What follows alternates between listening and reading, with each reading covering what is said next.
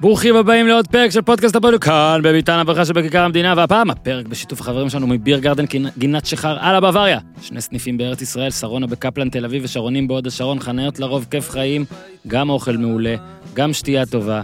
אתם יודעים מה אני תמיד אומר, אחלה לראות שם ספורט, ויש שם ספורט.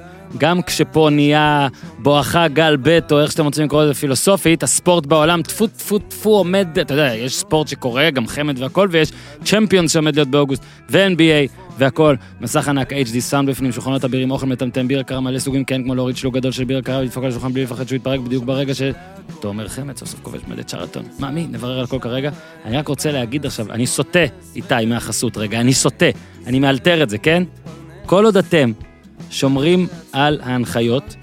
אני מפציר בכם לצאת ולבלות ולאכול ולשתות וכל הדברים האלה, שוב, כל עוד אתם שומרים על ההנחיות וביר גרדן שומרים על ההנחיות. אוקיי, כולנו פה אחד בשביל השני, צריך גם ליהנות, צריך גם לאכול, צריך גם, כן, להחזיק את העסקים האלה, אוקיי? אז בבקשה, לא אומר לכם ללכת למקומות שלא שומרים בהם ההנחיות, בביר גרדן שומרים. אוקיי? הביר גרדן איתנו, מי שאוהב את הפודיום אוהב גם את הביר גרדן, אנחנו אוהבים את הביר גרדן, ובכלל, הלו, תצאו, תחיו, לפי ההנחיות. הנה, כמו שאיתי ואני פה מדברים מבעד לזכוכית. איתי יכל, יכול היה להגיד לי, תשאר בבית, תקליט מהבית, אבל הוא אוהב אותי. אז הוא אמר, בוא, רק תהיה עם מסכה כל fucking זמן, אוקיי? אז אני עם מסכה. חוץ מעכשיו, עכשיו הורדתי, כי יש חלון שמפריד בינינו. בקיצור, Beer Garden, כדי שתדעו כמה אנחנו חושבים עליכם, אז עדיין, כל אחד מכם שמגיע ועם מסכה והנחיות, והולך ואוכל ושותה וזה, תגידו, הפודיום שלחו אתכם. צ'ייסר חינם ופינוקים יגיעו עלינו. אני רוצה להזכיר, אה, פרק עם אבנר נתניהו, עלה, פרק לסיכום עונה, עלה, פרק על ההחלטה של לברון, עלה, עוד קוקטייל, עלה, איתי מזכיר לדרג, וזהו, אתם יודעים, עמודי פייסבוק, אה, אינסטגרם, כל הדברים האלה, דברו איתנו וזה. תומר חמד על הקו, תומר חמד על הקו. איתי, תן בראש. כן, היי קלאס, extra, large, my special from the United States of ארצות הברית. זה בור בלי תחתית, ניו, תל אביב, CPN, TLBC, כן, אהלן, תומר חמד. אהלן, מה העניינים? מה קורה? תשמע, פעם אחרונה בדקתי, כן, פעם אחרונה, אם אני לא מפספס שום דבר, עשיתי איתך איזה משהו, יענו ראיון, לא סתם טור על משחק או דבר כזה, זה היה ב-2015. לטור הזה אז קראו הפודיום, כמו שקוראים לפודקאסט הזה, זה היה בוואלה. והמצאתי מדור שהחזיק בערך לשלוש פעמים, עשר שאלות שאף פעם לא שאלו אותי, משהו כזה. ואני לא אשכח את השאלה הכי טובה בכל שלושת המדורים האלה, לדעתי היה פעם אחת איתך, פעם אחת עם בוזגלו, פעם אחת עוד, ואז הפסקתי. אה, זה ששאלתי אותך על איך זה לשחק, איך זה לשחק עם עצמך בפלייסטיישן. וכבר אז צחקתי מששאלתי איך זה לשחק עם עצמך בפלייסטיישן. ואז התשובה שלך הייתה מיתולוגית, ואני אקריא אותה למאזינים שלא קראו, זה היה בהתחלה היה ממש קשה okay. אוקיי. לשחק, ככה אתה אמרת. בהתחלה היה ממש קשה לשחק איתי, כי השחקנים הפחות מוכרים לא יכולים לעבור עציץ. אבל מה שמצחיק, כשאני לוקח את הקבוצה שלי בסוני, אני זה שחייב לבעוט לשער. גם אם אני מביא מישהו מול שוער, אני מוסר לחמד שיבקיע את הגול. אם אני שם גול עם עצמי בפיפא, אני מרגיש שנתתי גול באמת. עד היום חברים שלי שולחים לי קטעים שהם שיחקו עם הקבוצה שלי, אומרים לי, תראה, נתת שלושה, ואני מבסוט כאילו באמת נתתי שלושה. אז זה היה מעולה, זה היה מעולה, אהבתי את זה. זה עדיין ככה? נוסטלגיה, איזה נוסטלגיה. האמת שמאז נולדו לי שלוש בנות ולא נגעתי בסוני. זה היה ההימור שלי, זה בדיוק כמו אצלי. כן. לא אני לא רואה אותי משחק סוני בזמן הקרוב, אלא אם כן אני במקום אחר. Uh, טוב, אז הרבה זמן, כאילו, כל זה, היה, כל זה היה כדי להגיד שחמש שנים בערך לא עשינו משהו כזה, ועבר המון המון זמן. כן. Uh, אז אני שמח שסוף סוף מצאנו את הזמן לעשות את השיחה הזאת. האמת, זה היה צריך לקרות בארץ, אבל uh, אני מאשים את עצמי פה. חלמנו, וקורונות ודברים. כן, הסיטואציה הייתה בעייתית, אבל בוא... נשלים גם אחד בארץ. כן, נעשה, לא, נעשה, אתה תבוא לפה והכל. אבל בוא רגע, תאר לי מה קורה עכשיו שם, זאת אומרת... אה, בבריטניה, באנגליה, איך זה הולך אה, מבחינת קורונה? יצא לך רגע גם להיות פה עד לפני, לא יודע, שבועיים, לא? משהו כזה בארץ? אה, כן, כבר חודש האמת. חודש, נו. זה מצחיק, כשעזבנו פה זה היה לפני הפיק, ובישראל זה היה כבר במצב סגר והכל, אבל uh, כאילו השתלטו על העניינים, וחשבנו שאחרי חודשיים ככה, שלושה, נחזור לפה, וכל העולם כבר uh, בתקווה שיהיה אחרי זה, אבל uh, מה שקרה זה ישראל הייתה אחרי זה, אני חזרתי לפה, ופתאום ישראל חזרה אחורה בזמן שאני פה, ובאנגליה פתאום זה מרגיש יותר uh, בטוח פתאום.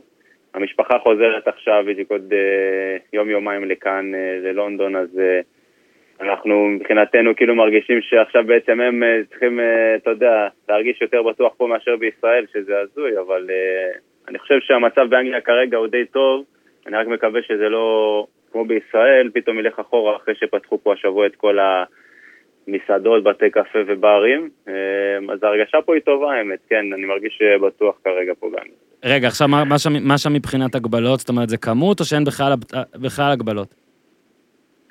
אה, לא, אין הגבלות, יש, כאילו, בוא נגיד חדרי כושר עדיין סגור, אה, אבל דברים כאלה, לא, בעיקרון החנויות נפתחו כבר לפני איזה שבועיים, המסעדות והברים, אה, בתי קפה והכל רשמית נפתחו גם לפני שבוע. העיר כביכול חזרה לעצמה, התיירים עכשיו השבוע קיבלו אישור להיכנס מהרבה מדינות חוץ מישראל, בגלל המצב שלנו לצערי. אה, בלי בידוד, אז אה, עכשיו שהמשפחה תגיע הם צריכים בידוד פה שבועיים. Mm-hmm. כנראה, יכול להיות שאפשר עם בדיקה כזו או אחרת לבטל את זה, אבל בוא נגיד שההרגשה פה שזה כבר מתחילים ללכת קדימה, וכמו שאמרתי, גם בישראל הרגישו ככה, ורק שלא נגלה שזה רק עניין של זמן עד שעוד פעם זה ייעצר. כן, אולי אנחנו באמת אלופי העולם במשחקי ידידות, אה? אנחנו היינו סבבה בהתחלה, כל העולם מתייעץ איתנו, עכשיו זה, תשמע, זה, זה מבאס ממש.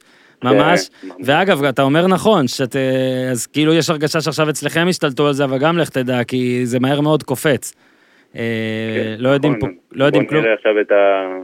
את ה, באמת ההשפעה של זה שפתחו את כל המקומות הציבוריים. איך, איך, איך זה, שזה יהיה בסדר. איך זה מבחינת העונה? יצא לי, אה, שבוע שעבר היו פה בר תימור וגינת מהכדורסל ורון שושן, שאני, אתה אמור להכיר מחיפה לדעתי, משהו כזה. Uh, בקיצור, כן, כן. כן, סיפרו על הקטע של, uh, אתה יודע, של פתאום לא, אתה, בשיא עונה, פתאום בום, שלושה, ארבעה, חודשיים, כל מקום זה היה קצת אחרת, לא משחק בכלל, וממשיך לאותה העונה. איך זה אצלך? כן. אתה בכלל קולט שאתה באותה עונה, שאתה באותה קבוצה, איך זה מרגיש? כן, זה היה הזוי קצת החזרה, אתה יודע, באמת מפסיקים אותך בישורת האחרונה בעצם, לפני הרגעים הקריטיים. אה, אתה מתנתק לגמרי לגמרי, אני בכלל הייתי בישראל, כל אחד היה בבית שלו, היו בידודים, היו זה, נכון שכן אה, נתנו לנו אימונים לשמור על כושר, והחבר'ה כן חזרו בכושר, אבל מנטלית אתה פתאום חוזר למצב שאתה, וואלה חבר'ה, יש לנו פה תשעה משחקים, ואנחנו מהקבוצות שכן כל משחק בשבילנו זה אה, גמר גביע. יש קבוצות שחזרו ורק מחכות לסיים את הליגה כי אין להם על מה לשחק, אבל... במיוחד קבוצות כמונו, כאלה שרוצות לעלות ליגה או אליפות וכאלה, אנחנו צריכים עכשיו כל משחק, אה, מהרגע שחזרנו להיות בשיא המוכנות, לבוא מוכנים מנטלית, פיזית, אה, לנסות להימנע מפציעות, אתה יודע, המועדון mm-hmm. עצמו היה במצב שהוא לקראת תקופה מאוד מכריעה, והם לא יודעים איך השחקנים הולכים אה, לחזור. עשו לנו עבודה טובה, גם בפגרה החבר'ה עבדו טוב, וגם ממש מהמשחק הראשון ראו שבאנו כזה די מוכנים מנטלית, ולשמחתי התחלנו טוב, ישר יצאנו מהקו האדום ככה אחרי משחק אחד, ונשארו עוד ארבעה משחקים עכשיו ככה להחזיק מעמד מעל הקו האדום, ובאמת לסיים את העונה הלא פשוטה הזאת, כי היא התארכה כמובן יותר ממה שכולם חשבו, ולשמחתנו היה אפשר לסיים אותה, שזה גם פלוס, חשבנו שאולי זה יסתיים באמצע. אבל שוב, כמו שאמרתי, החבר'ה כן חזרו מוכנים, גם אני באופן אישי מאוד שמח uh, שיצא לי לחזור בכושר טוב, ומהרגע הראשון ככה לחזור לעניינים, לשחק, לעזור לקבוצה לנצח. Uh, אבל שוב, עכשיו יש אה, עומס של משחקים בתקופה כל כך קצרה, שאנחנו משתדלים להשתמש בכל השחקנים, ובאמת להשיג את, ה, אתה יודע, את התוצאות הכי טובות שאפשר. כן, עכשיו, אתה יודע, זה שזה עשה הפסקה, זה עשה הפסקה לכולם. אצלך זה הפסקה שהתחברה... לתקופה שאני אגדיר אותה בעייתית מבחינת מספרים. בטח ביחס אליך, mm-hmm. בכל מיני מקומות שהיית גם. זה לא שאתה מאלה שמספרים בארץ ואז באנגליה וספרד קצת פחות. היו לך לא כן. מעט עונות של double figures, גם באירופה וגם בספרד. אה, בוא נגיד, אבל אה, מאפריל לדעתי, נכון? אפריל שעבר. אפריל שעבר, אה, כן. סוונסי סיטי צמד, מאז לא כבשת, טיפה נבחרת היה, אבל אתה יודע, זה בעיקר ליגה. בוא רגע תספר לי על זה, כי יצא לנו לדבר בכל מיני שלבים בקריירה שלך, והפעם, כמו שאמרתי, האחרונה הייתה, ב, בוא נגיד, במצב אחר, מצב של עודף כיבושים. בוא תספר רגע, כן. מה, יש עכשיו את כל הקטע הזה של, אה, לא יודע, דברים שחלוצים אומרים, של אה, חוסר ביטחון, שאני מת שכבר משהו ייכנס, שברגע שיבוא אחד יבוא היתר. איך, איזה מצב אתה עכשיו עם זה?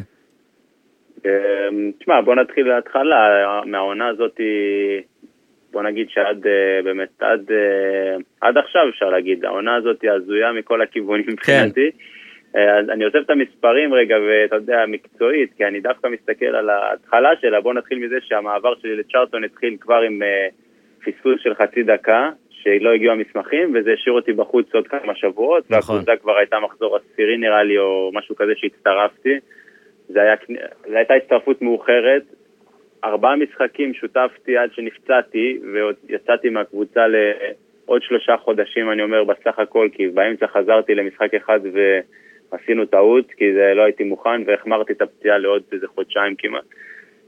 אז הפסדתי עוד שלושה חודשים, ואז חזרתי בסביבות, אה, לדעתי, ינואר, ואתה יודע מה בא אחרי ינואר, הגיעה הקורונה, אז גם שיחקתי איזה חודש ככה, כולם אמרו, הנה הוא חזר, הוא נראה טוב, עכשיו mm-hmm. זה עניין של זמן.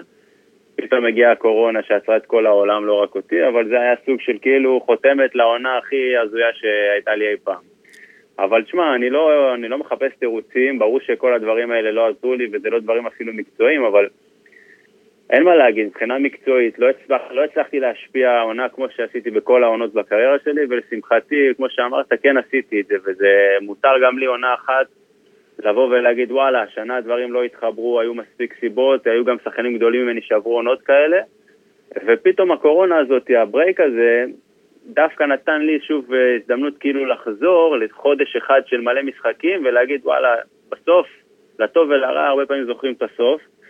אמ, ואם אני אעשה חודש טוב, זה יכול להשפיע על כל העונה. אתה יודע, עשיתי משחק אחד, לא יותר, נגד על, שחזרנו מהקורונה, mm-hmm. ניצחנו, הייתי מצוין, בישלתי גול, פתאום, אתה יודע, כל האוהדים וכל המועדון והתקשורת והכל דיברו על זה של וואו, תראו, כאילו, הנה תומר זה שכל הזמן אה, חיכינו ועכשיו אנחנו רואים איזה שחקן הוא, ופתאום יש על מי לסמוך ולא צריך לדאוג, נשאר בליגה, אתה יודע. טוב, זה ככה, גם, זה ככה גם שם, זה לא רק בישראל.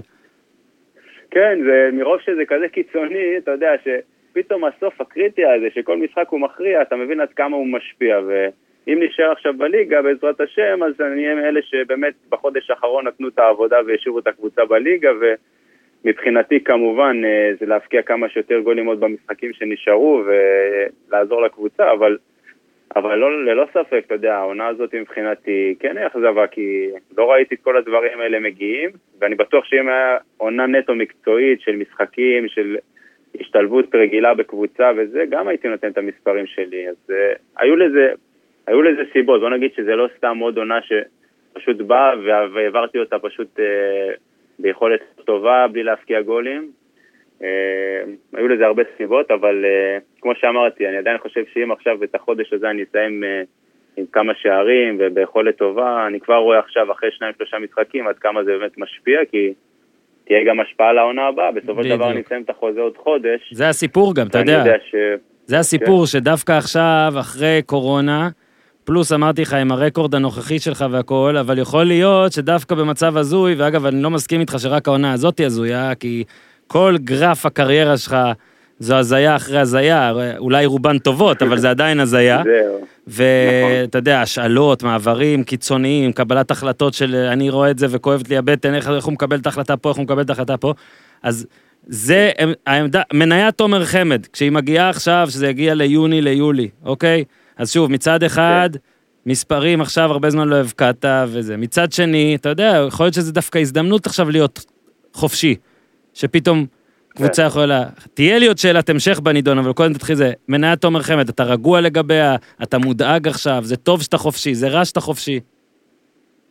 אה, לא, בוא, שורה תחתונה, זה טוב לי שאני חופשי, זה ללא ספק, אה, רק מהסיבה באמת שכרגע, כמו שהשוק אה, נראה וכל, אתה יודע, אנשי המקצוע מדברים על זה, הרבה הרבה הרבה מועדונים מחפשים אה, כמה שפחות להוציא על רכש, mm-hmm. כמה שאפשר אה, באמת לצמצם, ומחפשים את המציאות האלה של השחקנים החופשיים, אז ללא ספק זה קלף כן טוב שכרגע ישחק אה, אה, בשבילי, mm-hmm. לטובתי. אה, ללא ספק, אם הייתי עם יותר שערים, ואחרי עונה מדהימה זה היה בכלל מושלם, אבל אה, שוב, מספיק מבחינתי, כי אני רואה איך הדברים אה, מתקדמים. חודש אחד עכשיו טוב להרוס באמת לקבוצות שזה אני זה מי שאני והעונה הזאת הם יכולים להבין שזה היה מידע חד פעמית וכנראה שעכשיו בכמה משחקים טובים כבר אנשים הבינו שבאמת אה, זה אותו שחקן שהגיע גם מברייטון והיה לפני זה בספרד ואפשר, אה, אתה יודע, לסמוך עליו אז באמת. החודש הזה יכול באמת לעזור לי. באופציות שיגיעו לעונה הבאה.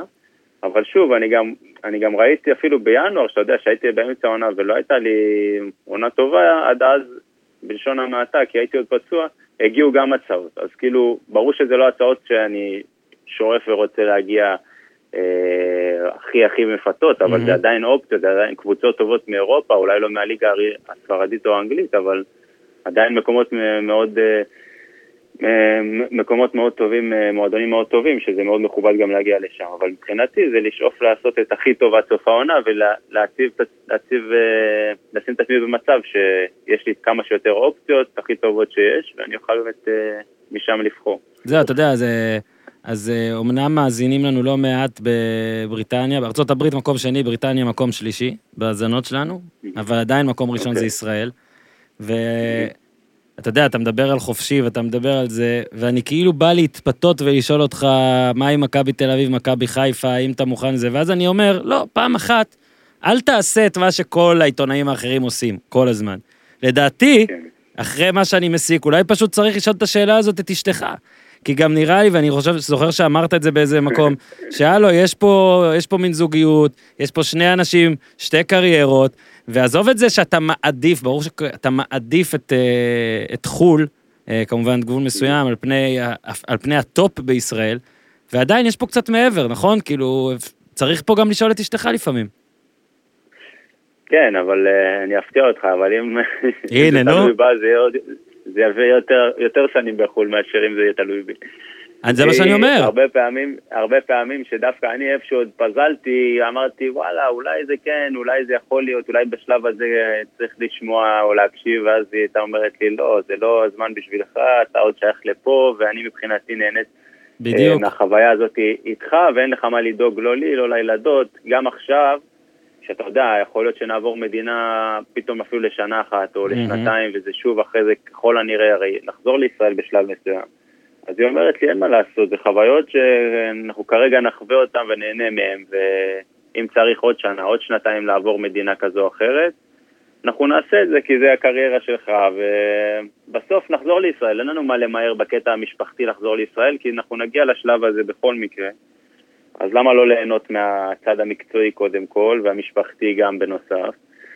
אה, כי ברור שאם תהיה עכשיו הצעה לעונה הבאה מלונדון, שזה אומר להישאר בבית ולא לעזוב ולא להעביר את הילדים וילדות מסגרות, בדיוק. כמובן שזה יהיה מושלם, אבל מצד שני אם תבוא הצעה מספרד למשל, שאני אגיד וואלה, אני חושב שזה יותר מתאים לי עכשיו מקצועית לעבור, או לא, לא דווקא ספרד, עוד מקומות, ואני אגיד שזה שווה, אז היא תגיד, אוקיי, אז נעשה את זה, זה לא יהיה השיקול היחידי, רק המשפחה. לא, ברור, אני, אני גם, אה, זה בדיוק מה שאמרתי, שזה גם הקריירה שלה וגם זה שהיא גם אה, מאוד רוצה את, את חו"ל או את אירופה. ברור לי לגמרי ששחקנים הישראלים טובים שיוצאים החוצה והם הרבה זמן שם, בוא נזכיר, אתה מ-2011 שם, אוטוטו עשור, מטורף. כן. אז אה, כן, כן יש את הגעגוע, וראינו גם אחרים שמרוויחים הרבה כסף בחו"ל, יש, יש תמיד את הגעגוע הזה. השאלה שלי, נכון. מתי היית הכי קרוב לעשות את הצעד הזה וזה לא קרה? מתי היה איזה רגע שאתה יכול להגיד לי עכשיו, שכבר עבר קצת זמן ואתה כבר יכול אה, לספר, שוואו, היית קרוב מאוד לחזור, או שממש, אין, משהו קרוב.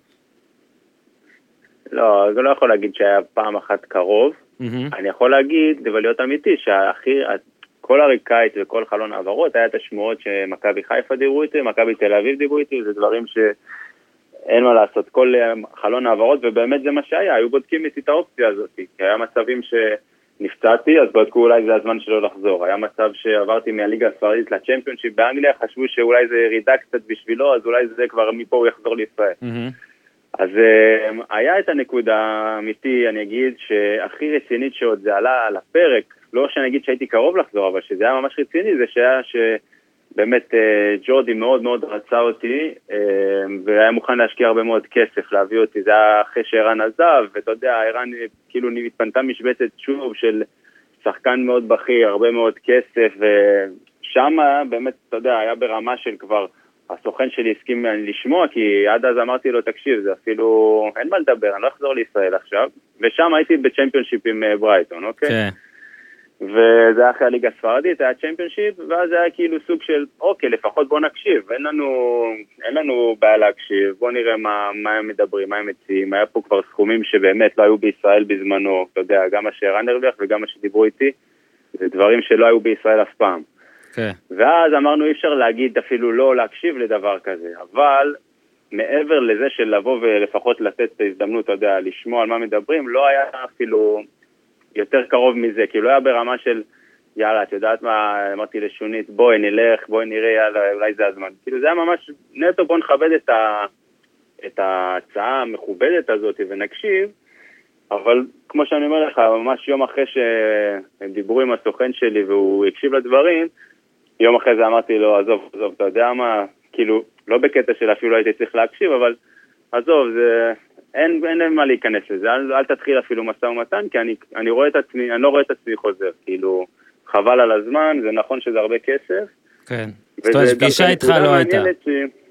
מה זה? אמרתי, זה לא שאתה באת לפגישה או משהו, זה, זה, קבוצה מול סוכן. לא, כן. ממש, זה היה פשוט, אה, עד אז אפילו כן. לא היה להקשיב, ופתאום בנקודה הזאת, זה היה ממש נקודה מאוד, זה היה, אני חושב, אולי ינואר, או אפילו, אני לא טועה, לא יודע אם זה היה כן. בינואר או בקיץ, אבל זה היה ברמה של, אה, של וואלה, בוא לפחות נקשיב, אבל לא ברמה כן. של אה, בוא נתקדם לזה. והתחלת להגיד נקודה מעניינת. נקודה מעניינת, כן. אה, מקצועית, כאילו, לא יודע אם זה מקצועית נקרא, אבל היה לי בדיוק, אה, אתה יודע, ישבתי בברייטון עם החברים, זה היה שנה אחרי שלא עלינו ליגה, והתחלנו עונה חדשה, אני לא אשכח את זה, החבר'ה יושבים, מדברים, וכאילו אני מספר להם על זה, ואומרים לי, תגיד, מה, אתה משוגע?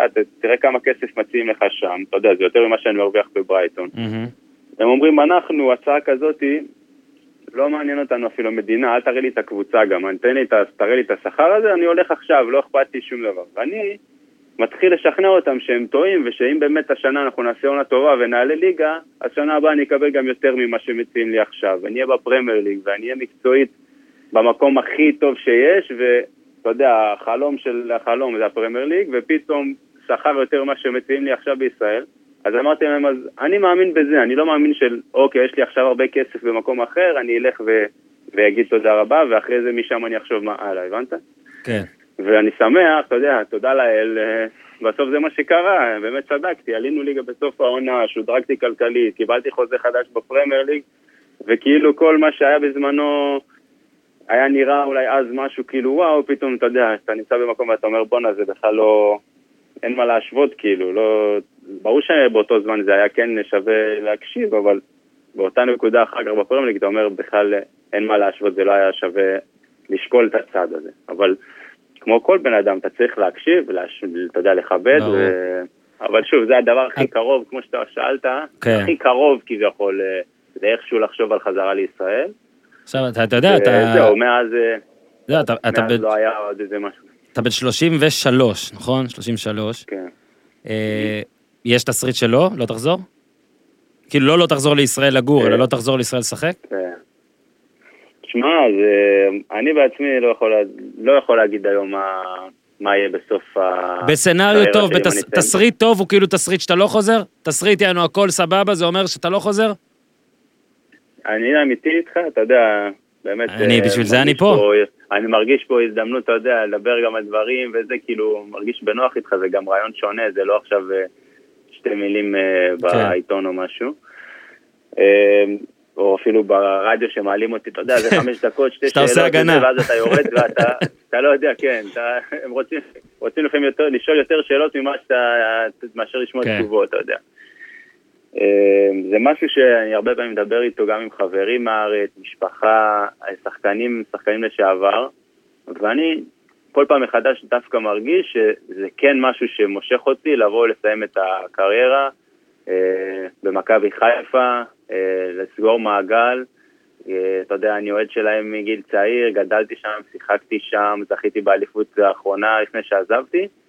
ואין מה להגיד, אני כן מרגיש שבתוכו יש לי, יש לי את הדחף הזה לבוא ולסיים במכבי חיפה, אבל כל פעם שאני מדבר עם אנשים, הם אומרים לי, לא כאילו כי זה מכבי חיפה, באופן כללי, תומר, החזרה לישראל ת, תעשה לך סיום, אה, כאילו ת, תסיים לך את הקריירה בצורה הכי מבאסת שיש, אתה תצטער על זה, אתה לא מבין איזה הבדל זה פה, כאילו, אתה לא תוכל להתמודד עם זה, זה אתה תחווה פה דברים ששכחת מה הם אפילו, כאילו, שאתה יודע, אתה הרבה זמן לא פה, וזה כל פעם מחדש, אני אומר, וואלה, בסוף אני אומר אתם יודעים מה, כשנגיע לרגע הזה אני אקבל את ההחלטה, נראה אם אני אלך עם הלב או עם הראש, או אתה יודע, מה שיהיה באותו רגע בסופו של דבר אי אפשר לדעת, אבל אני יכול להיות אמיתי ולהגיד שזה כן דברים שאני מהיום יכול לחשוב עליהם, אבל תשובה לתת אני לא יכול היום.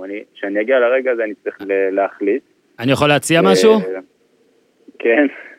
אל תקשיב לכוכבי עבר בלבד, זאת אומרת, תקשיב, אבל כן. מניסיון ולא בכדורגל. כמובן, אגב, מהניסיון של כדורגלנים, באמת, מה שאתה אומר, מה שאמרו לך, הקלישאה הזאת נכונה, ברקוביץ', רביבו, הקלישאה לרוב נכונה. כששחקן ששיחק המון המון שנים בחו"ל, חוזר, לרוב, בטח הכוכבים הגדולים, בניון, מגלים שזה, אתה יודע, יש פה, אני מסכים אגב, יש פה פחות אולי כבוד, יש פה יותר דו-חפיות, יש פה הרבה הרבה דברים. אבל אני חושב שזה גם הרבה בשחקן עצמו, ובתיאום הציפיות שלו כשהוא חוזר למה שצפוי לו. אה, כי כמו שאמרת, אתה שכחת מה שהיה כשהיית, אבל היית, אתה הרי ישראלי, אתה יודע מה זה. זאת אומרת שאם עכשיו אתה היית חווה שוב את מה שהיית בגיל צעיר, אז אולי היית יכול להתמודד איתו יותר. אני דווקא חושב שהכדורגל הישראלי כולו צריך חוויות מתקנות. אוקיי? וזה בדיוק השחקנים האלה שחוזרים לשנה, שנתיים. אגב, לא כדי, אגב, להיות מלך שערים שוב. לא חייב לזכות באליפות שוב, אבל לחזור בטוב, לתת, ואני שמח שאמרת גם מכבי חיפה. לקהל שאוהב אותך, שבוודאות ישמח כשתגיע, אוקיי? מאז זה תיאום ציפיות שאתה גם תהיה מול הקהל הזה בלהבין מה תומר חמד מסוגל, מה לא, ועל מה הם יאהבו אותך כן. ועל מה פחות. אבל אה, זה כמו שאתה, נגיד, אתה מטייל בעולם, אוקיי, אז לי יצא לטייל בעולם, ותמיד, נגיד, ניתן את הדוגמה של הודו, או תאילנד, ואתה נוסע, ואז אתה רואה ישראלים, ואתה שואל אותם על איזה יעד, אז הם אומרים לך תמיד, לא, הם אומרים לך תמיד, זה כן טוב, זה לא טוב, זה חרא, יש שם כל הזמן גשם, יש שם כל... הרי בסופו של דבר הכל על חוויות אישיות. הכל זה חוויות נכון, אישיות. נכון. וכשיוסי בניון, או אייל ברקוביץ', אומרים לך משהו, לא שאני יודע שהם דיברו איתך, סתם אני ממציא, הם, הם מתבססים על, ה, על לרוב, לרוב, לרוב, לרוב, על החוויה האישית. אז אני פה מפציר בך, אוקיי? תשאר באנגליה כמה שאתה רוצה, תעבור ספרד, אגב, הולנד, כן, אני אבוא לבקר גם בהולנד, הכל טוב. אם יש לך מצב טוב לחזור, תעשה תיקון בשביל אחרים. ותראה שאפשר לפעמים לחזור גם לשנה, שנתיים, לעשות איזה משהו יפה, הנה אפילו רובן עכשיו שחוזר מפרישה, יוצא מפרישה לכנראה עונת או שניים פרידה בכרונינגן וזה, זה, כל, זה יכול ממש להיות מגניב, זאת העצה שלי. כן. ת, תעשה את ההחלטה כן, הזאת כן, לפי אני... העולם שלך בלבד. או, יפה, כן, נאום. אני מסכים, זה יפה מאוד, אני אהבתי את הנאום, והוא מאוד... Uh... אה, דיבר אליי, כי אני גם חושב שכל שחקן זה מאוד אה, אינדיבידואלי ואישי, ואיך הוא חוזר ובאיזו גישה. אין מה להגיד, כל שחקן שחוזר הוא בא, אתה יודע, האתגר המקצועי הוא מעל הכל, ואתה חוזר עם כן עם ציפיות. אני, אם אני אחזור, אני ארצה לזכות באליפות, ואני ארצה להיות, אתה יודע, השחקן הכי טוב ולהפקיע להיות מלך שערים, אבל בסוף, בסוף, בסוף, כמו שאתה אומר, לפני החזרה, אם אתה מחליט לחזור, כל אחד, צריך להבין מאיזה מקום הוא מגיע, אם עזבת בגיל 20 כשחקן הכי טוב בישראל, כנראה אתה לא תחזור לזה בסוף הקריירה ואתה לא תהיה הכי טוב בישראל, אתה צריך להשלים עם זה, אתה יודע. כן, ועיתונאים אה, יתקשרו אליך ויעצבנו אותך אולי קצת יותר, ואז גם יהיה הקטע שלך של אה, לשים את הפוס אה, שם, כמו שזה באנגליה, ואתה בטוח תתעצבן כשאתה במשחק, נגיד בדוחה או באצטדיון י"א, ותגיד יואו, זה לא אייברוקסו, זה לא, אתה יודע, או כל כן. האלה, אבל זה גם, זה תיאום ציפיות, זאת אומרת, אתה יודע לאן אתה נכנס, יש את החסרונות, אבל יש גם יתרונות בזה. אה, אני, אני כן רוצה להחזיר אותך, כי, כי כבר דיברנו על זה, וכי אתה נקבת במכבי חיפה, אז אנחנו מקליטים את זה ביום שברק אה, בכר אה, מונה, ויש עוד איזה, באמת, יש שוב משהו שכבר עשר שנים יש כמעט כל שנה, שנתיים, איזה משב רוח של טוב, יאללה, עכשיו זה ככה והכל, ואמרת שאתה אוהד, אז בוא רגע דבר איתי קצת על מכבי חיפה באמת כאוהד מהצד. איך אתה רואה את העונה הזאת שבה סוף סוף היה איזשהו שינוי, ומצד שני זה עדיין לא קרוב. כן, זה הרגשה, אתה יודע, מוזרה, לא רק לי באופן אישי, כאילו, אני חושב שכולם כזה סוג של אה, רגשות מעורבים, כי מצד אחד, שמע, זה העונה שהם היו הכי קרובים, אה, אתה יודע, עד לפחות, עד סוף הפסקת הקורונה. לגמרי. זה כן נראה שאתה יודע, מתמודדים והם קרובים להתמודד על התואר, ובאמת זה היה עניין של חוזרים מה... מהלוקדאון הזה, אתה יודע, מהפסקת כן. הקורונה, והם עדיין שם במלחמה לאליפות, ופתאום בתוך שני משחקים הכל התפנצ'ר כאילו וירד כל האוויר. כי תחשוב שהם חוזרים ומנצחים את המשחק הראשון והשני, ופתאום הם עד המחזור הזה האחרון אה, אתה יודע, נאבקים מכבי תל אביב, פתאום אה, היו מסתכלים על זה אחרת, היו אומרים בואנה, זו עונה מדהימה, כאילו הסוף הזה, כמו שדיברנו מקודם, גרם לזה שלהגיד שזה לא מספיק טוב, ואתה יודע, בסופו של דבר שוכחים איפה הם היו לפני, בשנים האחרונות, ואיזה פתאום קפיצה עשו השנה, אני נהניתי, אתה יודע, ראיתי כמה משחקים השנה, ובאמת, מכבי חיפה של השנה, זה שילוב מדהים, גם של זרים טובים, גם של חבר'ה צעירים שגדלו במועדון, גם צעירים שהביאו, או, או אפילו לא צעירים, אני תמיד כשאני חושב על יובל אשכנזי, אתה יודע, זה ישר קופץ צעיר, ואני רואה אצלך גם הוא היה ברעיון mm-hmm. שעשיתם, וזה היה, גם דיברתם על זה, אבל הוא לא צעיר, אבל זה חבר'ה כאילו מאוד אה, רעננים, הוא, חזיזה כאלה שבאו, והכל ביחד זה היה סוג של, אה, כן, חיבור מאוד טוב, מאוד אהבתי לראות את הקבוצה. אז אני כן חושב שהשנה היה משהו טוב. נכון ש... אולי, אה, אם אתה יודע, נהיה אמיתיים, כן נגיע למרקו בלבול את העוד עונה הזאת אחרי העונה הזאת, ולהגיד, הנה, הוא עשה את זה השנה, תנו לו את השנה הבאה, ואז כבר הכל ילך עד הסוף, כאילו, אתה יודע, אפשר לעשות בתואר. אבל זה קשה במועדון כזה, אתה יודע, זה כל עונה רוצים את התואר, וכשזה לא קורה, ממהרים לחשוב מה הלאה. אני לא אומר ש... אתה יודע, אני לא יודע, כמובן מפה אף אחד לא יודע מה ההחלטה הכי טובה לעשות. כמובן שהם קיבלו החלטה ולקחו מאמן מדהים עם קבלות, ו... יכול מאוד להיות שהוא זה שיעשה את הצעד קדימה עם המועדון וכן יהיה זה שיביא את התואר, את האליפות. כי בשנים האחרונות, אתה יודע, הם גם זכו בגביע וזה, אבל בסוף רוצים אליפות, זה לא כן. משנה. אם הוא יהיה טוב, הוא יאמן אותך, בוא נגיד. אם הוא יהיה טוב, הוא יהיה זה שיאמן אותך, זה כן. אוקיי? אלא אם כן הוא יהיה יותר מדי טוב, ואז הוא לא יספיק. עכשיו, אה, כן, כן, אתה לא יודע לכמה שנים זה הולך, אני אומר, אתה, כשמביא מאמן, מקווים שזה יהיה לאורך כן. שנים. לצערנו בישראל אין חיבור יותר מדי ארוך בין מאמן נכון, לקבוצה. נכון. תמיד לטוב ולרע, גם אחרי שלוש אליפויות, עונה אחת לא זכית, אתה כנראה הולך הביתה אחריה. כן, כאילו, נכון. זה, זה אגב, בלבול, לחול. אגב, בלבול, אני דווקא חושב שעכשיו זה היה בסדר, ההחלפה, אבל אני כן חושב ש... כאילו, אני אומר, אם עכשיו אתה אומר לי, תן לו עוד שנה, אז אני אומר, יאללה, עדיף כבר בכר. אם מראש כן. מביאים את בלבול ורואים שהוא קצת משפר, כי כבר די מהר הוא שיפר, ואז היו נותנים לו חוזה לשלוש עונות, הייתי מברך על זה. אני מסכים איתך, אני חושב שאותי לפחות זה ממש מעצבן. העובדה שמלא חוזים פה הם לחצי שנה, שנה, נגיד שנה פלוס שנה, אה, כמו נגיד רוני לוי בביתר, שנתנו לו שנה פלוס שנה, שאם במקום, אם אתה מגיע למקום שלישי, החוזה מתחדש ועדיין הוא כנראה לא ימשיך. כאילו, אז, אז כאילו, אולי לא צריך חוזים פה בכלל. אה, וזה מה שממש כן. מבאס. אוקיי, הפסקה, הפסקה קצרה אה, בשיחה עם תומר חמד, איתי, כדי להשיק פינה חדשה. פינת תעשו טוב, איתי.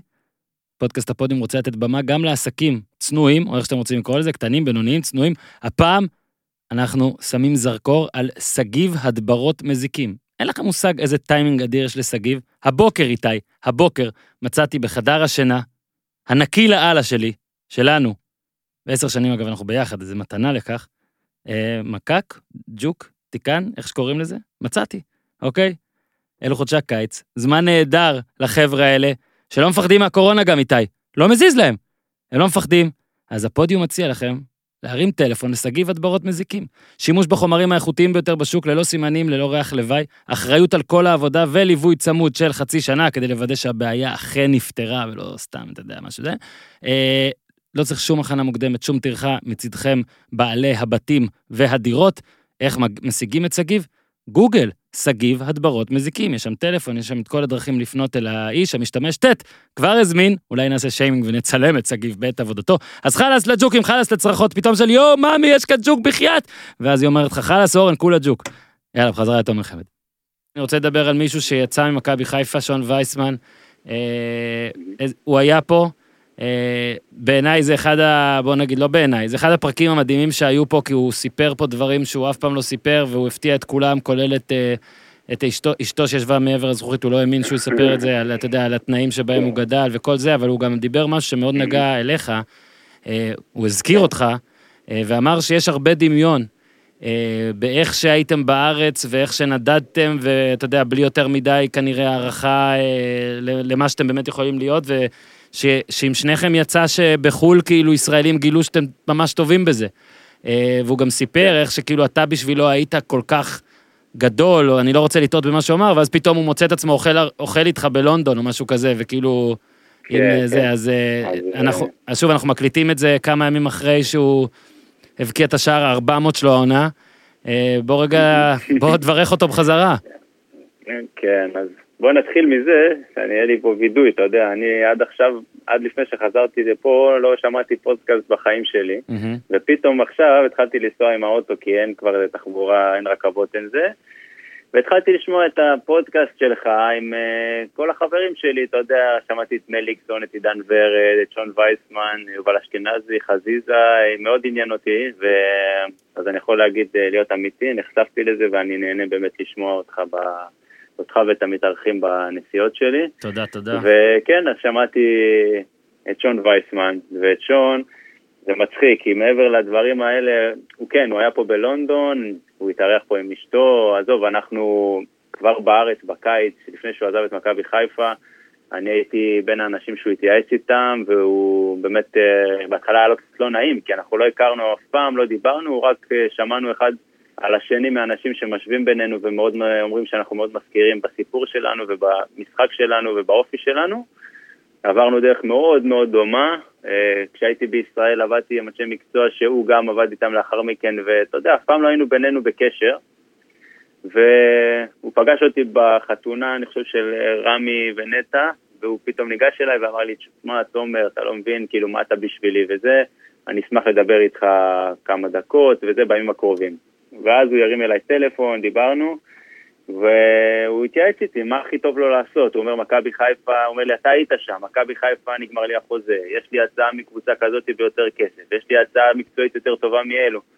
ושם התחיל בינינו הקשר, אתה יודע, ממש להיות uh, טוב, ועזרתי לו ויעצתי לו ואמרתי לו מה שאני חושב, ואני mm-hmm. לא אקח קרדיט, אבל uh, לשמחתי, מה שגם אני יעצתי לו בסוף עבד, ובאמת, uh, שורה תחתונה, אמרתי לו, מקצועית, זה, זה הצעד הראשון הכי חשוב ביציאה לחו"ל, לא הכסף, כי הכסף הגדול בחו"ל יחזיר אותך הכי מהר לישראל, כי כנראה ש...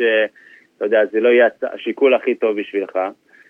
הוא אמר לי עד כמה רוצים אותו שם באוסטריה, בקבוצה הזאת, ומדברים איתו הרבה זמן, אמרתי לו, נראה לי שזה הכי טוב, כרגע לצד הראשון, והוא גם אמר לי שהוא גם חושב ככה שהכסף כמה שהוא חשוב, והוא באמת, כמו שהוא סיפר, הוא היה חשוב לו.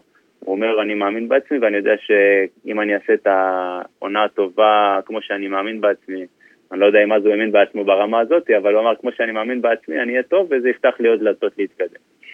בקיצור, אז התחלנו להיות בקשר, ומאז הוא בקשר מאוד טוב איתי, ומתייעץ איתי גם היום כשהוא מקבל, אה, אתה יודע, טלפונים והצעות מקבוצות, גם היום הוא משתף אותי ומתייעץ איתי, וכיף לי, כי אני באמת אה, חוויתי את זה ויודע מה הוא עבר ומה הוא עובר, וכשהוא היה פה עם אשתו בלונדון, כמובן שהוא התארח אצלנו וישבנו פה, ומעבר לדמיון המקצועי, גילינו הרבה דברים מאוד דומים בחיים, אה, גם בקטע של האישה מאוד דומיננטית ותומכת, ואתה יודע, שתיהן אה, רומניות מסתבר, ושנינו הכרנו מגיל צעיר, וביחד, אתה יודע, אתה יודע, סיפור מדהים, ממש אחד לאחד בהרבה דברים.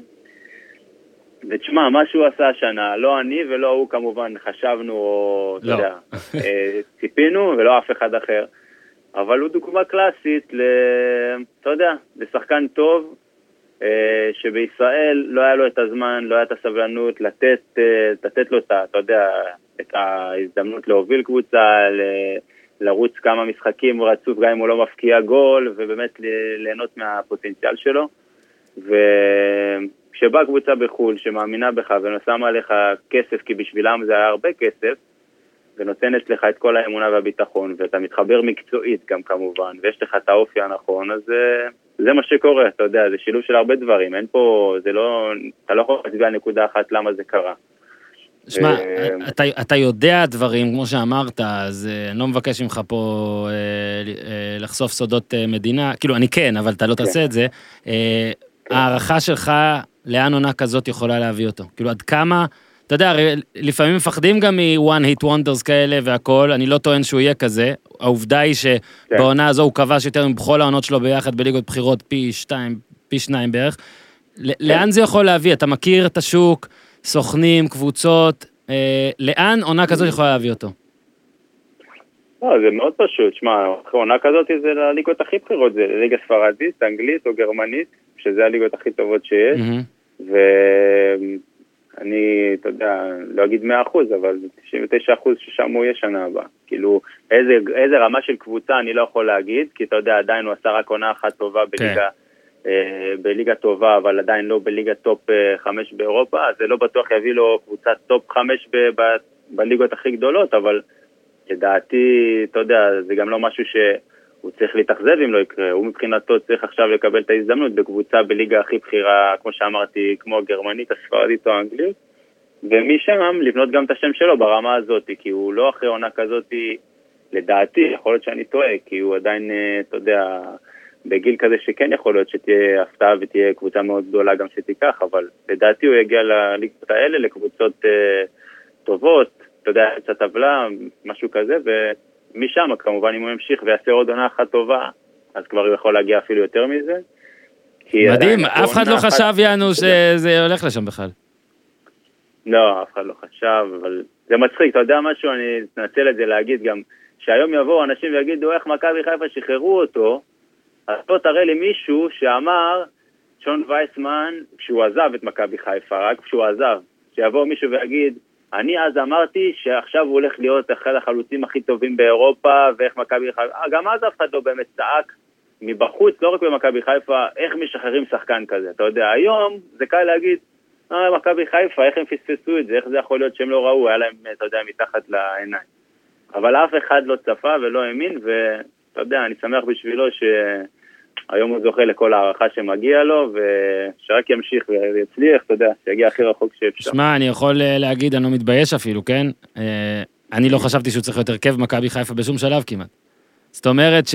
נכון. אגב, אל אתה תגיד עכשיו למה מכבי חיפה לא שחררו אותו בחינם. לא, בגלל זה אני, אני, אף פעם, אני אף פעם לא אמרתי את זה. קודם כל, תראה, כן העבודה שלהם לדעת יותר טוב ממני, אוקיי? בוא, בוא את זה כן נגיד, אוקיי? הם, נכון, שהוא איתם נכון, אימונים, ועדיין, זה כמו להגיד איך אלה לא בחרו בו בדראפט, מה, לפעמים, אתה, לפעמים בן אדם בגיל דראפט, הוא לא מה שהוא פתאום נהיה אחרי.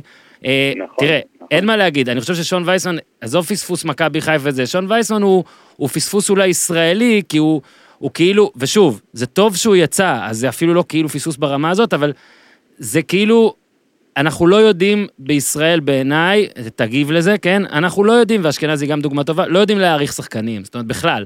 לא, לא, לא להעריך, אה, כאילו, אה, לחשוב עליהם דברים טובים או לא, אלא לדעת מי הם, לדעת לאן הם התפתחו. כן. כשאתה רואה מישהו בן 19, 18, 20, להגיד, טוב, עכשיו הוא אולי לא ככה, אבל יש בו איזשהו משהו שבגיל 22 יעשה אותו ככה. ובגלל זה אנחנו גם לא נותנים לשחקנים לרוב לשחק בגילאים צעירים, כי כאילו אנחנו לא יודעים להעריך מי יהיה טוב מי לא, אנחנו מעדיפים להתבסס על כאלה שאנחנו כבר יודעים, ובגלל זה זה קצת משעמם, ובגלל זה המספרים ב- בליגת העל, באמת להוציא אולי את ערן זהבי, רוב המספרים פה הם כאלה, אתה יודע, לוקחים פה מלכי שערים, לפעמים על 15, על 14, וההתפוצצויות הן כשיוצאים החוצה. זהבי ומונס, ואתה בעונות שלך גם בספרד וגם זה, ווייס, אתה מבין? כאילו, יש פה איזה בעיה. תשמע, קודם כל, לדעתי, בישראל, אולי לא רק בישראל, אבל הרבה פעמים אוהבים את השחקן הזה שיודע לעשות רגל מעל הכדור, לתת מהמם. בין הרגליים, להפקיע עם העקב, ואתה יודע, זה תמיד מושך יותר את הקהל ואת ה- את המועדונים.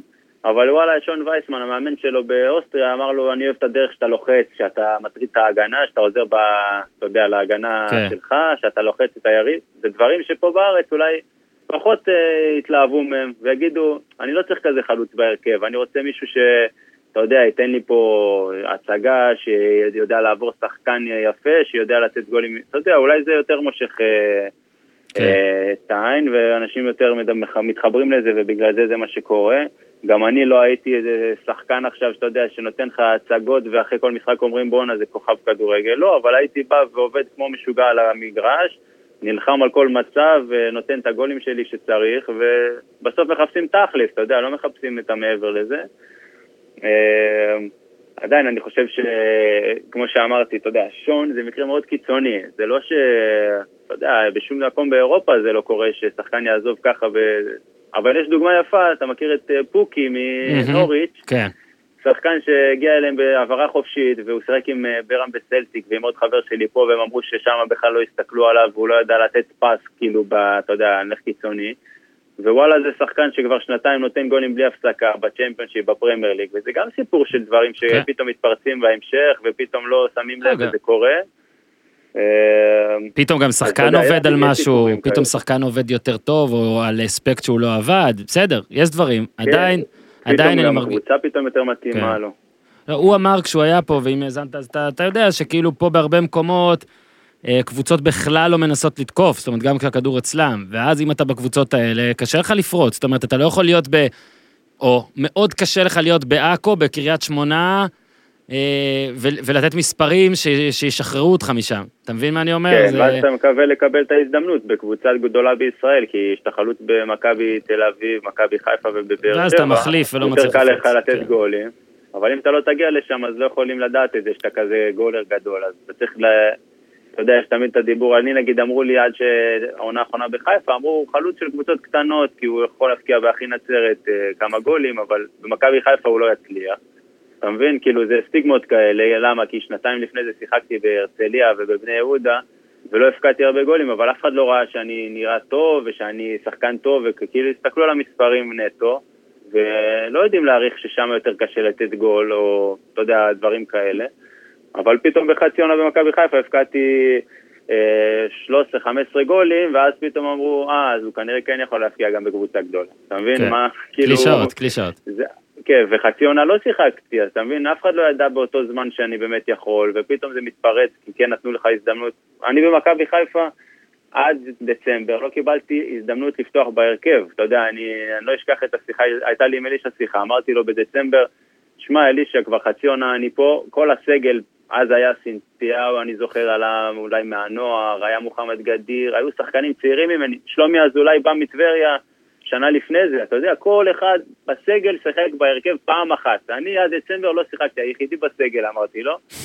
אמרתי לו, קבוצות, מתקשרות אליי קבוצות, אה, מה, אתה יודע, אשקלון, הפועל חיפה, סכנין, לקראת ינואר. בוא תן לי איזה פעם אחת לפתוח בהרכב, לפחות שנדע שניסינו, כאילו, שנהיה שלמים אם אני עוזב, שאני אדע שוואלה, לא הייתי טוב כנראה למכבי חיפה. ככה זה היה, שתבין, שיחה אחת. לא יודע מה, זה גם אשתי שכנעה אותי דרך אגב, להגיד לו למה אני שונא לדבר עם מאמנים ולבוא ולבקש וזה, אני מאמין תמיד בזה שאני אהיה טוב באימון, זה מה שזה, זה לא עבד כנראה. ואז אחרי שדיברתי עם אלישע, יום שבת פתאום זורק אותי במחצית ב-0-0 מול עכו, פעם ראשונה כאילו שאני משחק יותר מאיזה רבע שעה נראה לי, מחצית 0-0, אני נכנס מול עכו בקריית אליעזר זה היה. מקבלים גול אחרי דקה, 1-0 להם, אמרתי זהו, נגמר הסיפור שלי, אבל uh, באמת אחרי זה הפכנו, עשיתי, בישלתי וזה, ניצחנו, הייתי טוב, ומאותו יום, שבוע אחרי זה פתחתי בהרכב בקריית שמונה, אם אני לא טועה, בחוץ. כן. 1-0 ניצחנו, אה, נראה לי מקטן, פתחתי כנף ימין, זה היה ההתחלה שלי במכבי חיפה בעונה הזאת. קטן פנדל דקה 77. כן, מאותו יום שפתחתי בהרכב בקריית שמונה, לא יצאתי פעם אחת מההרכב, לא בליגה ולא בגביע, סיימנו אלופים, הפסדנו בגמר גביע לצערי, זה עוד uh, קצת uh, ביאס לי את הזה, אבל אין תלונות, סיימתי את העונה מלך שערים של הקבוצה. ושתבין ש... מה, אמרתי לך, בדצמבר, כאילו, אני ברמה של להגיד לו, בוא נעשה ניסיון לפני שאני עוזב, כאילו. זה, תראה עד כמה זה קיצוני. אז ו- אתה מבין מה מוסר ההשכל מכל הסיפור הזה עכשיו. תקשיב לאשתך. כאילו, לכם, זה- המאזינים, תקשיבו לבנות הזוג, לנשים שמאזינות, תקשיבו לבני הזוג. אה, כי יום יבוא ולא יתייחסו אליכם. במכבי חיפה, ואז אה, שולי תביא אתכם לאירופה. כי זה, נגד זה נת... צריך פרק נוסף, אה, שלם בשביל זה, למה אתה יודע כמה סיפורים היו שהיא אמרה לי זה, ואני חשבתי, באו באותה עונה גם, בינואר, אחרי שהתחלתי לשחק, באו מכלן ואמרו, וואלה, בוא ניקח אותו, הוא מסיים בסוף השנה את החוזה. אז היא אמרה לי, אה, אחרי שלושה משחקים מכלן רוצים אותך, אז תחשוב מה יהיה בסוף העונה, שאתה תיתן גולים וזה, אז אתה מבין, כאילו, כל מיני דברים, כי אני אמרתי לה, מה, אבל יש לי הזדמנות לצאת לחו"ל סוף סוף כמו שרציתי וזה. וככה זה כאילו כל פעם, אבל כמו שאמרתי, זה פרק שלם, אני... מתי היה הגול. האדיר הזה, הגול עם הראש, שכאילו באת עם המצח? זה היה נתניה, אבל אני לא זוכר, זה היה בעונה הזאת? חצי גמר, חצי גמר, נגד נתניה. כן. כן, אז בעונה הזאת, אגב. אגב, ספרת נכון, 13 שערי ליגה, שלושה שערים בגביע, שני שערים בגביע טוטו, 18 גולים באמת בפחות מחצי עונה. אה, ותשמע, זה באמת מראה עד כמה, עד כמה הכל כזה רגעי או על אבל אתה מקרה. יודע, הכל גם נראה מאוד מהיר, אבל אתה יודע מה, אתה יודע, זה חשוב לי להגיד את זה, כי אתה יודע, יש כאלה שישמעו את זה וזה לא, זה לא עולה להם לראש, אבל מה, ש, מה שעשה את זה בסופו של דבר, זה לא המשחק הזה שנכנסתי להרכב, זה החצי עונה הזאת, ומי שהיה איתי בקבוצה יעיד, זה חצי עונה שאני לא משחק, אבל אני עובד כמו חמור כל יום בשביל, אתה יודע, לחכות להזדמנות הזאת. לא שיחקתי, תחשוב, לא פתחתי בהרכב חצי עונה, איך הגעתי למצב שאני בדצמבר כל כך חד וכל כך מוכן להזדמנות? זה רק בגלל שעבדתי כל יום באמונה שאני, אתה יודע, שהעבודה הזאת תשתלם, ושבסוף אני כן אתפרץ, ובסוף אני אגיע לחו"ל, ובסוף... זה עומד לך מול העיניים ואתה רק מחכה להתפוצץ, כאילו, אתה יודע, אז אם כל החצי עונה הזאת הייתי יושב בבית מתוסכל, או הולך uh, כל היום למסעדות ובתי קפה ואומר, יאללה, גם ככה אני לא משחק, אז אין לי מה זה, כנראה שזה לא היה קורה, אתה מבין? וזו נקודה שכן היה חשוב לי לציין אותה עכשיו. Mm-hmm. וזה גם, אתה יודע, זה מוביל אותי גם לעוד נקודה שזה מזכיר לי משהו, שאתה לחו"ל, אה, גם נגיד, אה, לא קשור לשון, עכשיו הייתה לו עונה מדהימה, וברוך השם שאתה יודע, כל שחקן רוצה שיהיה לו עונה טובה עם גולים ורק לשחק ולהיות הכוכב של הקבוצה.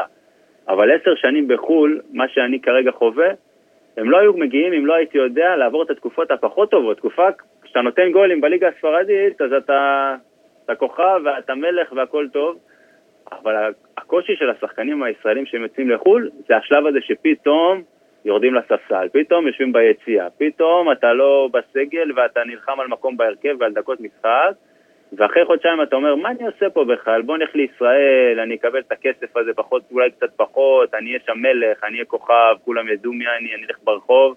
אתה יודע, זה יהיה כזה סוג של uh, לחזור למקום הבטוח, לקבוצת צמרת, כנראה ייקחו אותי, אם חזרתי עכשיו מחו"ל, אז ייקחו אותי בהרבה כסף, אבל השלב הזה שאתה פתאום, אתה יודע, היו לי מקרים שהייתי יושב בספסל שלושה ארבעה משחקים ולא נכנס מחליף.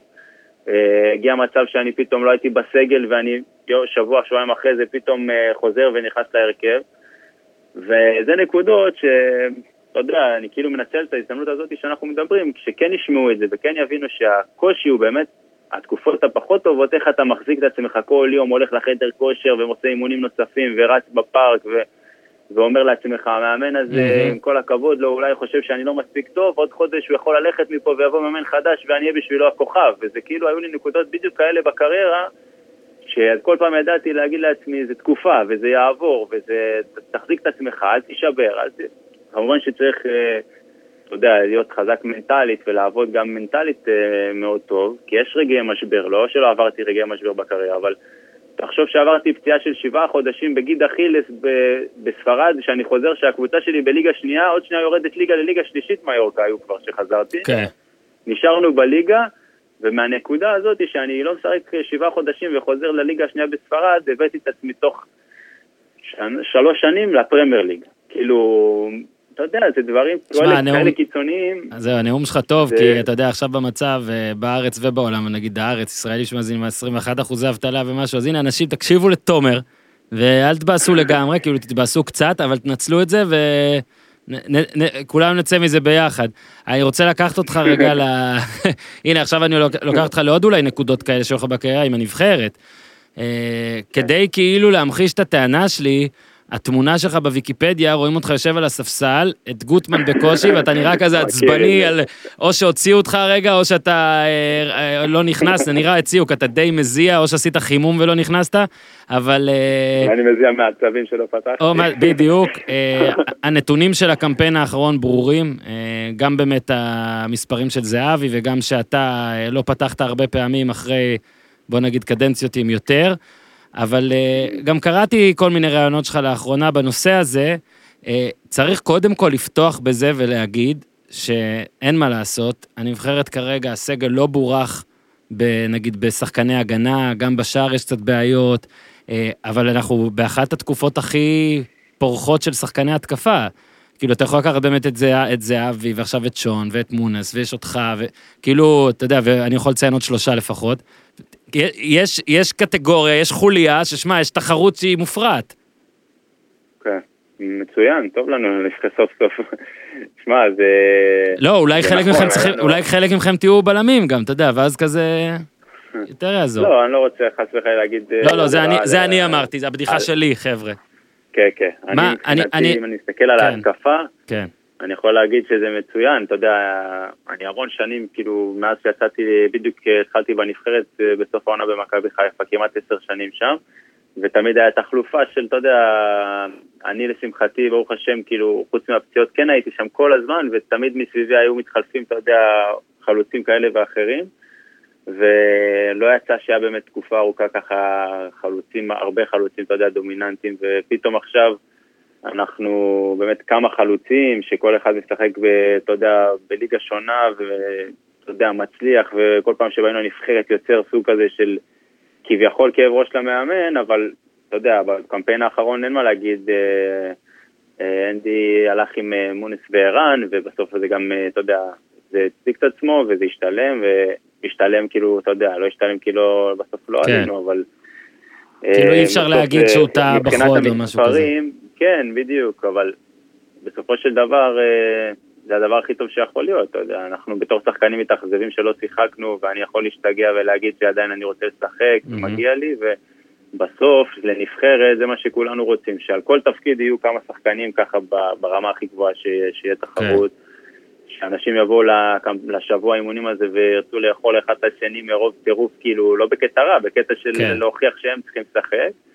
אה, אז אתה יודע, בקמפיין האחרון אה, פחות, אה, בוא נגיד, יכלתי לבוא בטענות למה וזה, כי כמו שאמרתי, זה עובד, אבל בתקופות אחרות אני כן חושב שהיה לי את הזכות, למרות שלא עשיתי את זה כמעט אף פעם, אבל לבוא וכאילו לא לדרוש במילים, לדרוש כאילו ולבוא להגיד וואלה, מגיע לי לשחק, אני בא, ספרד נותן גולים מהצ'מפיונשיפ, מהפרמייר ליג, ואז בזמנו הייתי יכול לקחת את זה אולי טיפה אחרת בקטע של uh, כן מגיע לי. הקמפיין האחרון אני כן חושב שהיה פה, היה פה נכון uh, ללכת, אתה יודע, ככה מבחינת אנדי, זה גם מוכיח את עצמו, אבל...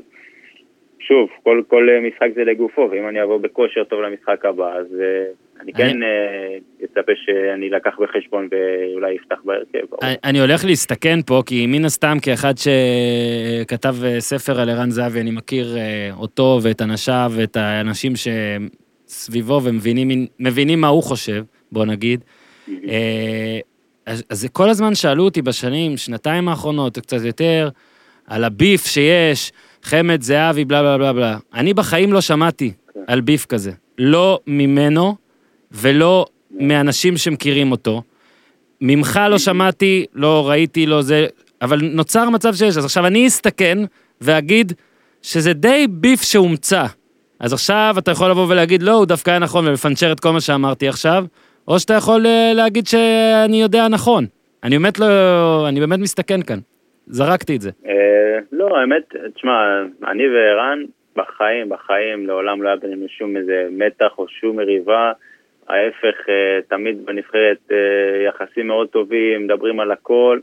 כן נוצר, אני כן מסכים איתך שנוצר תחושה מסביבנו, כאילו, אני, אתה יודע איך זה עובד, זה רשתות חברתיות, ויש את הצד שחושב, mm-hmm. ש... מה זה חושב? אני לא יודע איך להסביר את זה, כאילו, שרוצה להגיד שרן, יותר טוב מתומר חמד, או את הצד השני שאומר תומר חמד יותר מערן, אבל אצלנו זה אף פעם לא, לא הגיע, ל, לא השפיע עלינו אף פעם, כי אנחנו לא באמת מושפעים ב, ב, מהדברים האלה ברמה כזאת. אני, זה קצת, אה, אתה יודע, לא, לא אהבתי את זה, כי אני לא חושב שצריך להרים שחקן אחד על חשבון שחקן אחר ולהקטין את, את האחר. יותר מזה, אתה יודע, שערן אה, כאילו הוא עזב את הנבחרת וזה, אז היה כבר שלב שדיברו על חזרה, ואני הייתי דווקא, אתה יודע, נראה לי הראשון שהתקשר אליו בלי שאף אחד יודע, ואמרתי לו, תשמע, ערן, שנינו במצב, אתה יודע, מגיעים לגיל כזה שכבר לא יהיה לנו הרבה קמפיינים, בוא, תחזור, אנחנו, אני רוצה כאילו ש... אתה יודע, שתחזור, אני צריך שחקנים כמוך גם איתי פה בנבחרת, אנחנו רוצים להצליח, ואני כן ניסיתי לשכנע אותו לחזור, אתה יודע, בלי שאף אחד יודע, ומצד כן. שני, במקביל אנשים אומרים, אה, אה, לא אומרים בשמנו, אבל גורמים לסוג של מתח. אבל בחיים לא היה משהו כזה, ואנחנו ביחסים מאוד טובים, מאוד מעריכים אחד את השני, ואני חושב שגם האנשים מסביב לא צריכים להקטין קריירה של שחקן כזה או אחר בשביל להרים את השני. ערן, קריירה מדהימה, מה שהוא חווה ומה שהוא עבר בדרך שלו, זה דברים מדהימים, זה אומנם נכון בליגה הישראלית, בליגה הסינית, ואני זה בליגה הספרדית ובליגה האנגלית נגיד, אבל כל אחד יכול להיות גאה באותה מידה בקריירה שלו, אה, אני כי הפקעתי 11 גולים בליגה הספרדית והוא כי הפקיע 30 גולים בסין, אתה מבין? אין פה בכלל... אה, הוא, הוא טוב כי השני, השני בכלל אה, גרוע, אתה יודע, שנינו mm-hmm. טובים, שנינו יכולים להיות גאים במה שעשינו. הוא בישראל עשה דברים מדהימים, ואתה יודע, אין, אין מה להגיד, זה בסופו של דבר משהו חסר תקדים, ואז יצא לסין, לא, לא אולי לא לחו"ל, אז יצא לסין, ושם גם עשה דברים מדהימים, ומגיע כן. לו כל הכבוד. לא, לא המסלול הסטנדרטי, לא המסלול הסטנדרטי, ואני מסכים אגב ש... גם קטע זה שכאילו יש לנו איזה קטע שאנחנו צריכים לשפוט שחקנים לפי מסלול שאנחנו חושבים שהם צריכים לעשות. עכשיו, אני אגיד לך, כן? אני אומר את זה. הרי ברור כן. שזהבי היה רוצה שברזומה שלו יהיה קבוצות, אתה יודע, אחרי פלרמו עוד תחנה ועוד תחנה, אבל לפעמים, אתה יודע, יש מין מסלולים עוקפים כאלה, שאני תמיד אומר שאם אני הייתי שחקן והיית מציע לי עכשיו, כשנגיד אחרי פלרמו היו לי עוד שתי קבוצות שבהן אני יודע, לפעמים כן ילך, לפעמים לא ילך לי, או באמת לחזור למכבי בנקודה ההיא, לעשות מה שהוא עשה, ואז גם לצאת לכסף כן. הזה, אז יש כל מיני מסלולים, בזה אני מסכים. אה, אגב, אין לי בעיה, אני חושב שזה בסדר להעדיף מסלול אחד על מסלול אחר. גם בגלל זה אפשר להשוות. אבל, לא, אבל מה שאמרת, ואני, מה שאמרת ואני מתחבר, זה ש... כן. אם מישהו מגיע לו לפתוח, זה לא אומר שעכשיו השני צריך להסביר למה הוא לא שחקן טוב, ולהפך, אתה מבין מה אני אומר? שלפעמים, ו- כן. ובגלל זה הצגתי את זה, כי אני באמת מאמין שיש לנו עכשיו לפחות ארבעה, חמישה אה, חלוצים, שמי שיפתח נגיד במשחק נבחרת הבאה, אתה לא יכול להגיד בואנה זה קטסטרופה, איך זה קרה. אה, ואני אתקדם איתך ברשותך. אה, אה, אנחנו חותרים סיום, תירגע, אל תדאג, עוד מעט אתה צריך לסדר את הבית, אני יודע. העניין היותר מהותי בנבחרת זה איפה זה עומד כרגע, מה דעתך על מה שקורה כרגע מבחינת הרצוג שעזב ורוטנשטיינר. עכשיו, הרצוג אולי אתה קצת במין איזה דילמה פנימית, כי אף שחקן לא ירצה להתאבד שמאמן יישאר, שהמאמן הזה נתן לאחרים לשחק. מה דעתך בכלל על העניין הזה באופן כללי, על, ה, על זה שהרצוג, על הצ'אנס המצומצם, פלוס על מה שקורה עם רוטנשטיינר? שקרה, שקרה כי לפחות הוא עכשיו כן חתם, כאילו כן קיצץ. כן, זהו, זה שני דברים שונים, כי אנדי זה מאמן, ווילי, אני חושב שהוא דווקא זה משהו לכל הכדורגל הישראלי, מהבסיס, שהוא... אני חושב שבקטע הזה, להתחיל עם אנדי, עם המאמן, אה, יצא מצב בגלל כל הסיטואציה שהוא לא יכל לסיים כמו שצריך לפחות את, ה, אתה יודע, את מה שהוא התחיל, את אה, ליגת האומות, אני חושב שזה יכל לעשות, אה, גם אם היינו כמובן מסיימים איתו ולא עולים, אז לפחות היה מסיים, מסיים את זה בצורה מסוימת, והיו נפרדים בצורה יפה והכל טוב, וזה יצר כאילו סוג של להפסיק באמצע. ולא לסיים את זה כמו שצריך, הוא כבר, לפי מה שנראה לי, או כמו שהבנתי, אפילו הוא בזה ואמר כבר, טוב חבר'ה, אני כאילו רוצה לסיים, כאילו אפילו לא חיכה שיגידו לו את זה. אה, אז כן. כאילו כן אני חושב שהגיע לו לסיים כמו שצריך, אבל לאור המצב כנראה לא יכלו לחכות לסוף קמפיין האומות, שמתחיל כבר קמפיין חדש לפני זה, אז, אז חבל שזה יצא ככה, אני רק יכול להגיד שלמרות שכמו שאמרת, אתה יודע, לא שיחקתי אולי הרבה, אבל אני מאוד אהבתי את התקופה איתו, אני, אה, באמת, חווינו שם אה, רגעים מאוד מאוד אה, טובים בהתחלה, גם בהתחלה כן שיחקתי, ניצחנו אז את אלבניה והפקדתי, והיה התחלה מאוד טובה עם אנדי, וכולם אה, די ציפו, ל, אתה יודע, להצלחה גדולה, ולצערי זה בסוף לא יצא, הסוף היה לא כמו שכולם רצו, אבל כן נהניתי והרגשתי כן הבדל בקטע הזה שהוא... מאמן זר שמנותק ממה שקורה מסביב, ואתה רואה איך הוא בא כאילו במטרה אחת, הוא רוצה להצליח, הוא לא רוצה לרצות אף אחד, הוא לא רוצה. שישראל תשחק טוב ותנצח כדי שיכתבו שהוא מאמן גדול. הוא רוצה, מהאופי שלו, לבוא ולנצח, והוא לא מושפע מה יגידו אם הוא הזמין את השחקן הזה או אחר, או אם שיחקנו ככה או אחרת. וזה מה שאהבתי, הרגשת שזה... שזה מאמן שבא נטו מרצון להצליח ולקחת את האתגר הזה ולהצליח בו בגדול, והוא כיבד את כולם, ובאמת אה, אין מה להגיד, אין אחד שלא יגיד שהוא לא היה הגון ומכבד, את, מכבד ואתה יודע, איש טוב, וזה בסופו של דבר מעבר לכדורגל לא פחות חשוב, והוא הולך מפה, אתה יודע, יכול להיות גאה בזה שהוא הולך מפה עם שם מאוד טוב, שכולם מאוד אה, אהבו וכיבדו אותו. אה, וכן, בסופו של דבר מקצועי, אתה יודע, גם בשבילו זה היה סוג של משהו חדש, אה, הוא לא היה עם ניסיון, ויכול להיות שזה גם יפתח לו עכשיו עוד דלתות למקומות אחרים. כן. אה, בצורה תחתונה כן, אני חושב שזה צריך להסתיים אחרת, כי, אבל לאור המצב זה לא קרה. עם ווילי אני כן חושב שזה מישהו שכן צריך לתת לו עוד, ולתת לו את ההזדמנות לבוא ולתת לנו מהידע שלו, מהניסיון שלו, כי הוא עשה מה שכולנו רוצים שיהיה במדינה שלנו. הוא עשה את זה באוסטריה, ואנחנו יודעים שבישראל כן רוצים לבנות בסיס טוב ולאורך שנים, ולא ששנה הבאה הנבחרת תעלה לקמפיין, אה, לטורניר גדול, ואחרי זה 40 שנה עוד פעם לא תעלה. זה לא המטרה. רוצים mm-hmm. שבמשך עשר שנים נוספות אולי לא נעלה, אבל אז נעלה כל שנה שנייה. אתה מבין? זה המטרה, זה לא... לא הבאנו אותו כדי שיעשה קסמים, אז כן לדעתי צריך איתו סבלנות, כן לתת לו את המושכות, כן לבוא לקראתו. נכון שזה לא התקציבים שהיה לו שם באוסטריה, אבל כן לבוא ולנסות להבין, לרדת ל... לעומק, אה, אתה יודע, הדברים שלו ולהבין איפה הבסיס הנכון ואיפה צריך לשנות כדי שיהיה לנו, אתה יודע, עתיד יותר טוב אה, אה, גם בכדורגל, גם בנבחרת וגם בכלל בכדורגל הישראלי. טוב, תומר, נקווה שנראה אותך בקרוב, שזה אומר או שיש טיסות ואני פתאום בלונדון, או שיש משחק נבחרת והתכנסויות ובלי בידודים, ואז אתה פה, ויש, לא יודע, סיקורים והכול, אני אומר לך שגם כעיתונאי וזה שאתה עכשיו באיצטדיון, זה נראה, זה מרגיש מה זה מיותר, כי אין מיקזון ואין מסיבות עיתונאים אחרי זה, ואתה לא, אין אווירה, אז אתה סתם, חלק מהמשחקים אני הרגשתי כאילו אני סתם יושב שם, ואתה יודע, כבר אין משמעות כמעט להגיע, וזה ממש ממש מבאס. אה, אני בטוח שזה גם מבאס עבורכם, אבל לפחות יש את המשחקים האלה. אני מאחל לך גם שהתמקדתי בזה שלא יודע, שאולי בגלל שאנחנו דוחים את זה כנראה לראשון, אולי זה כבר אחרי גול של ספתח או עוד בישול או משהו כזה. ויאללה, בוא, בוא נעשה את זה שוב כשתחזור, אה, פנים אל פנים, ונביא גם פלייסטיישן ואתה תהיה איתך ואני אהיה איתי, אני אמציא שחקן, הכל 99, וככה יהיה. בסדר? יאללה, יאללה, אז בהצלחה באירוח המשפחה, מסכות, הכל לפי ההנחיות. תודה. ביי תומר, ביי ביי. תשמעו על עצמכם שם. בכיף, בכיף. אז תודה באמת לתומר חמד, תודה אה, אה, לשגיב אה, הדברות, תודה ל Beer Garden, תודה לאיתי. יאללה איתי, שבוע חדש. תעשו טוב.